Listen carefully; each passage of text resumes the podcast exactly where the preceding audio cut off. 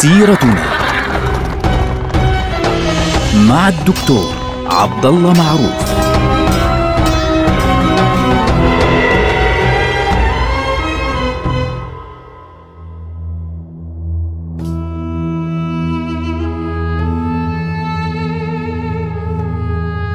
السلام عليكم ورحمة الله وبركاته. سيرتنا سيرة هذه الأمة العظيمة، ونحن الآن في فترة نعم صعبة، فترة الصدام الكبير بين المشرق والمغرب، بين أوروبا بكل ما فيها من قوات ومن عمل، وبين المسلمين الذين كانوا في ذلك الوقت يعني بعد وفاة السلطان الناصر صلاح الدين كانوا منشقين على أنفسهم. طبعا نحن وصلنا إلى حملة صليبية خامسة. كانت قد اتجهت إلى مصر وهي الحملة الهنغارية أو المجرية. وتلك الحملة فشلت بالرغم من أن الملك الكامل ملك مصر في ذلك الوقت عرض عليهم مرتين أن يسلمهم بيت المقدس بمقابل أن يتركوا دمياط ثم يتركوا المنصورة. هم تمكنوا يعني بعد سنة ونصف من الحصار من السيطرة على دمياط وإبادة أهلها ثم بعد ذلك حاولوا فتح المنصورة وحاولوا دخولها واحتلالها لكنهم فشلوا بسبب فيضان النيل وبسبب ضعف خبرتهم بالفعل في هذه المنطقة. طبعا بعد عشر سنوات تقريبا يعني أقل من عشر سنوات خلينا نقول من هذه الحملة من فشل الحملة الخامسة بدأت أوروبا تتجهز لحملة صليبية جديدة هي الحملة السادسة. طبعا الملك ملك آه، مصر في ذلك الوقت والملك الكامل تمكن من السيطرة على مناطق مختلفة في صراعه مع إخوته. يعني أخوه موسى وأخوه آه، عيسى. كان في صراع شديد بينه يعني معهم. ووفاة الملك المعظم عيسى ثم بعده وفاة الملك آه، موسى يعني جعلت الملك الكامل محمد يعني شبه يعني إن صح التعبير شبه الملك الأوحد في هذه البقعة. وهذا الرجل بالفعل كان رجلا إن صح التعبير رجل يعني سياسة ليس رجلا يعني ذا مبادئ يعني صاحب مبادئ حقيقية. المبدأ الملك الكامل محمد يعني واجه هذه الحملة الصليبية وحده.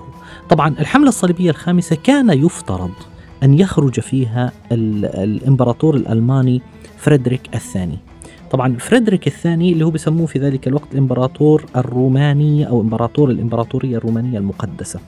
ف يعني هو فريدريك الثاني هو في بالفعل ألماني حقيقة لكنه يعني المملكة أو الإمبراطورية التي كان يحكمها في ذلك الوقت تسمى الإمبراطورية الرومانية المقدسة. كان يفترض إنه يشارك فريدريك الثاني في آه، الحملة الصليبية الخامسة التي فشلت. يعني كان قد أعطى نذره للبابا بأنه أنا سأخرج في هذه الحملة رفض يعني بعد ذلك لم يتمكن من الخروج لأنه رأى المشاكل مع المجر والمشاكل اللي بين عكا ومش عارف إيه فقال أنا ما بديش اطلع فرفض. ففي ذلك الوقت بدأ هذا الرجل يجهز لهذه الحملة على أساس إنه يرتبها بحيث يكسب منها يعني قضية يكسب منها فعليا ملكه الشخصي. يعني في عام 1225 تزوج من ابنة ملك القدس اللي هي طبعا مملكة القدس لسه موجودة لكنها موجودة في الخارج وليس في الداخل ليس في مدينة القدس. يعني بس مجرد اسم ملك القدس. آه تزوج من ابنته اسمها إيزابيلا وصار يطالب بعرش مملكة بيت المقدس. كان يقول أنا ملك القدس أصلا. يعني أنا لازم أكون الوصي على على مملكة القدس. علما أن القدس أصلا مش بإيده في ذلك الوقت طبعا كانت آه، مصر ودمشق يعني الملك الكامل وأولاد عمه وإخوته في الطرف الآخر في دمشق كانت بينهم صراعات شديدة كبيرة جدا. فمن قبل أن يبدأ بالتحرك من قبل أن يبدأ بالتحرك كان يراسل الملك الكامل محمد. وعقد معه صداقة. عقد معه صداقة يعني وبدأ يعني آه، إن صح التعبير يشكو له دائما أو يشكي له من البابا ومن غيره هذا الأمر وصل إلى البابا. فالبابا غضب واتهمه بأنه أهمل قضية بيت المقدس وهدده بأنه سيحرمه. يعني طبعا الحرمان معناه الحرمان من الكنيسة ومن الجنة ومن كل شيء وبالتالي يعني كأنه كافر. وأن يفرض عليه يعني غرامة كبيرة. وبالتالي هذا الكلام أجبره على أن يبدأ بالتحرك في حملة صليبية جديدة.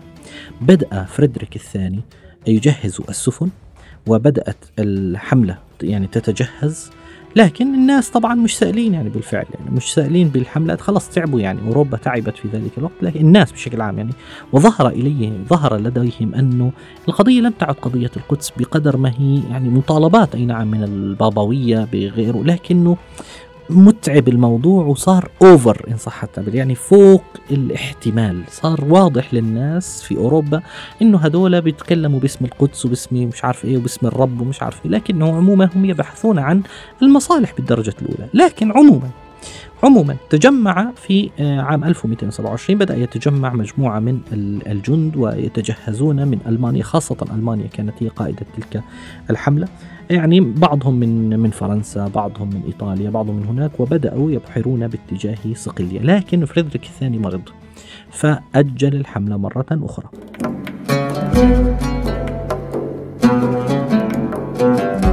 فالبابا الجديد في ذلك الوقت اللي هو البابا غريغوري التاسع قرر حرمان فريدريك الثاني من الكنيسة. وقال له أنت أجلتها فأنت محروم إذا من الكنيسة ومن الجنة. فغضب هذا الإمبراطور فريدريك. قال له أنا محروم. أنت أنت أنت إيش بتعمل أصلا؟ أنت مجرد تتكلم باسم الرب باسم الله ولكن أنا الذي يعني أملك السلطة الزمانية. فقرر أن يتحرك بالفعل إلى سوريا. تحرك بالفعل باتجاه الشام في عام 1228 فالبابا قرر أن يمنع هذه الحملة وقال هذه الحملة لا نباركها لم يباركها واتهم فريدريك بأنه يريد سرقة مملكة الرب في بيت المقدس. هذه بالتالي أول حملة صليبية لا يباركها البابا. ما بيأخذهاش ولا بيقبلها ولا بيوافق عليها إطلاقا. ففريدريك إيش عمل؟ طنش الكلام. يعني هذه لأول مرة فعليا يظهر عندنا شخص من الملوك لا ما بيسأل عن مباركة البابوية. هذه طبعا كان أول اصطدام حقيقي واضح كبير بين آه، الملك وبين البابا. فهذا الأمر سيؤدي إلى مشكلة كبيرة جدا طبعا بينه وبين البابا لأنه كانت سلطة البابا باعتبارها سلطة دينية كانت هي التي تحكم الناس. فالبابا لما يقول أنه هذا الحاكم كافر أو محروم أو لا يدخل الجنة فالعاطفة الدينية عند الناس ستؤدي إلى الثورة عليه. لكن الذي حدث بالفعل أنه البابا يعني آه، رفض هذه الحملة وقال خلاص هذه الحملة مرفوضة وفريدريك أصلا لا يمثلنا لأنه ما بيردش على كلام البابا إطلاقا. فقرر فريدريك الثاني أن يثبت أنه لا يحتاج إلى مباركة البابا أصلا بهذه المسألة يعني تحدي للبابا فتحرك باتجاه قبرص ثم وصل إلى عكا. من قبرص وصل إلى عكا. وهناك بدأ يراسل صاحبه صديقه الملك الكامل والتقى معه بالفعل التقى مع الملك الكامل في أكثر من موضع. تذكر بعض الروايات أنه كان في لقاءاته مع الملك الكامل يعني يتحدث معه كصديق مخلص ويبكي أمامه عندما يذكر الخلاف والصراع الذي بينه وبين البابا غريغوري التاسع.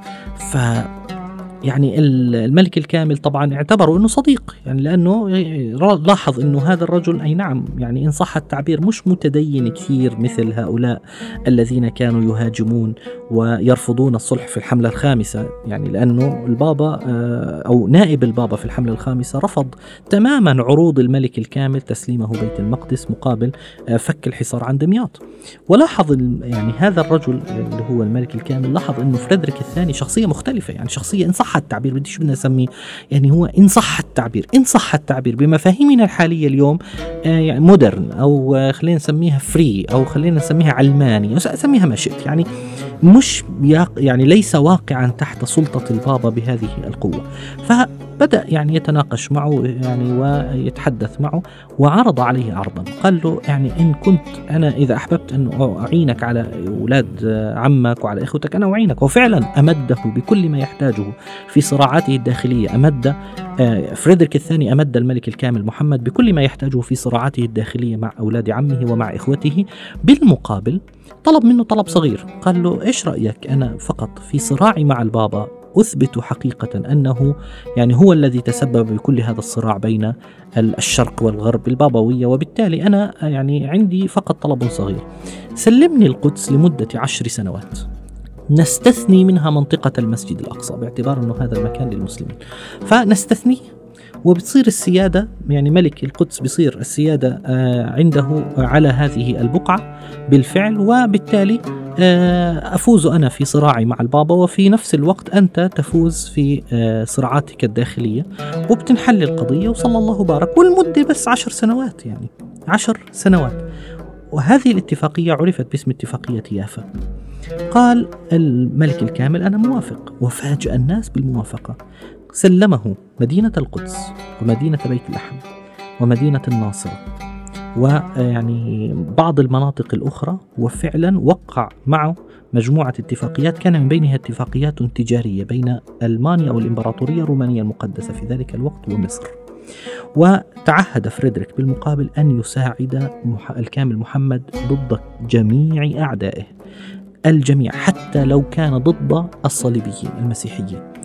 وبالفعل هذا الذي حدث حقيقة في يوم الثامن عشر من شهر مارس ثلاثة الربيع في عام 1228 للميلاد دخل فريدريك الثاني مدينة القدس وتوج في كنيسة القيامة. بعد أن رفض كل رجال الدين تتويجه ملكا على القدس توج نفسه بنفسه. يعني حمل التاج وقال أنا أتوج نفسي لأنه هو محروم فعليا. يعني كنسيا هو محروم. فبالتالي كانت القضية كارثية بالنسبة للناس. طبعا كيف استقبل المسلمون هذه الحادثة؟ طبعا هناك يعني نقطة صغيرة أذكرها. حادثة ذكرها البعض في بعض كتب يعني قرأتها في أحد المصادر. لا أدري مدى دقتها لكنها ذكرت في أحد المصادر أن الملك الكامل في ذلك اليوم منع المؤذنين في صلاة الفجر من الأذان حتى لا يزعج الملك فريدريك. ما شاء الله لهالدرجة. يعني بذكرنا في بعض حكامنا اليوم على فكرة. يعني سبحان الله العظيم. بدناش نسميه. المبدأ إنه الملك فريدريك في اليوم التالي اعترض إنه قال لما لم أسمع الأذان؟ أنا يعني حبيت أتعرف على هذه المدينة. شيء في غاية ال يعني أنا مش قادر أف... مش قادر أعلق. الله المستعان يعني لا أستطيع أن أعلق. الفكرة أن فريدريك عين بالفعل ملكا على مدينة القدس. والناس يعني لعنوا الملك الكامل محمد حتى يعني حتى قيام الساعة لهذه الفعلة التي فعلها. واقرأ في هذه القضية إن أحببت يعني التعليقات التي كتبها ضده آه ابن الأثير في صاحب كتاب الكامل في التاريخ. لأنه ابن الأثير مات في نفس الفترة التي كانت فيها بيت المقدس تحت سلطة الصليبيين في ذلك الوقت. وكان من شروط هذا الصلح لمدة عشر سنوات أنه لا تعمر أسوار مدينة القدس. يعني بعد يعني بعد عشر سنوات تسلمون المدينة مرة أخرى للمسلمين ولا تعمر الأسوار. طبعا خلال العشر سنوات هاي سيموت كلاهما سيموت الملك الكامل وسيموت الملك فريدريك الثاني. طبعا فريدريك الثاني بمجرد أن حدث هذا الحدث ووصل إلى كل الدنيا الأخبار البابا رفض رفضا قاطعا وأمر بالسيطرة ومصادرة جميع ممتلكات الملك فريدريك في إيطاليا فتحرك مباشرة فريدريك مباشرة باتجاه أوروبا بعد أن يعني فعل ما يريد. خلص يعني بالنهاية انتهى الأمر ويعني حصل على ما يريد. فنشب بعد ذلك صراع مسلح بين فريدريك الثاني وبين البابا وهزم البابا في ذلك. في عام 1230 يعني بعد سنتين ألغى البابا آه، الحرمان من الملك فريدريك وصادق بالفعل على معاهدته ووافق على ذلك لكن بعد أن انتهت القضية بالكامل بعد أن سلمت المدينة إلى الملك فريدريك الثاني. المالك الكامل محمد أصبح مثالا حيا على بشاعة تقديم النظرة السياسية على المبادئ التي ينشرها هذا الدين. من أهم المبادئ أننا لا نتنازل عن أرضنا المقدسة لكن الكامل محمد تنازل عنها. نلقاكم على خير والسلام عليكم.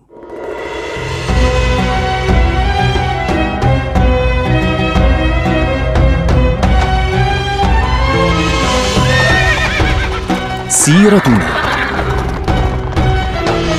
مع الدكتور عبد الله معروف.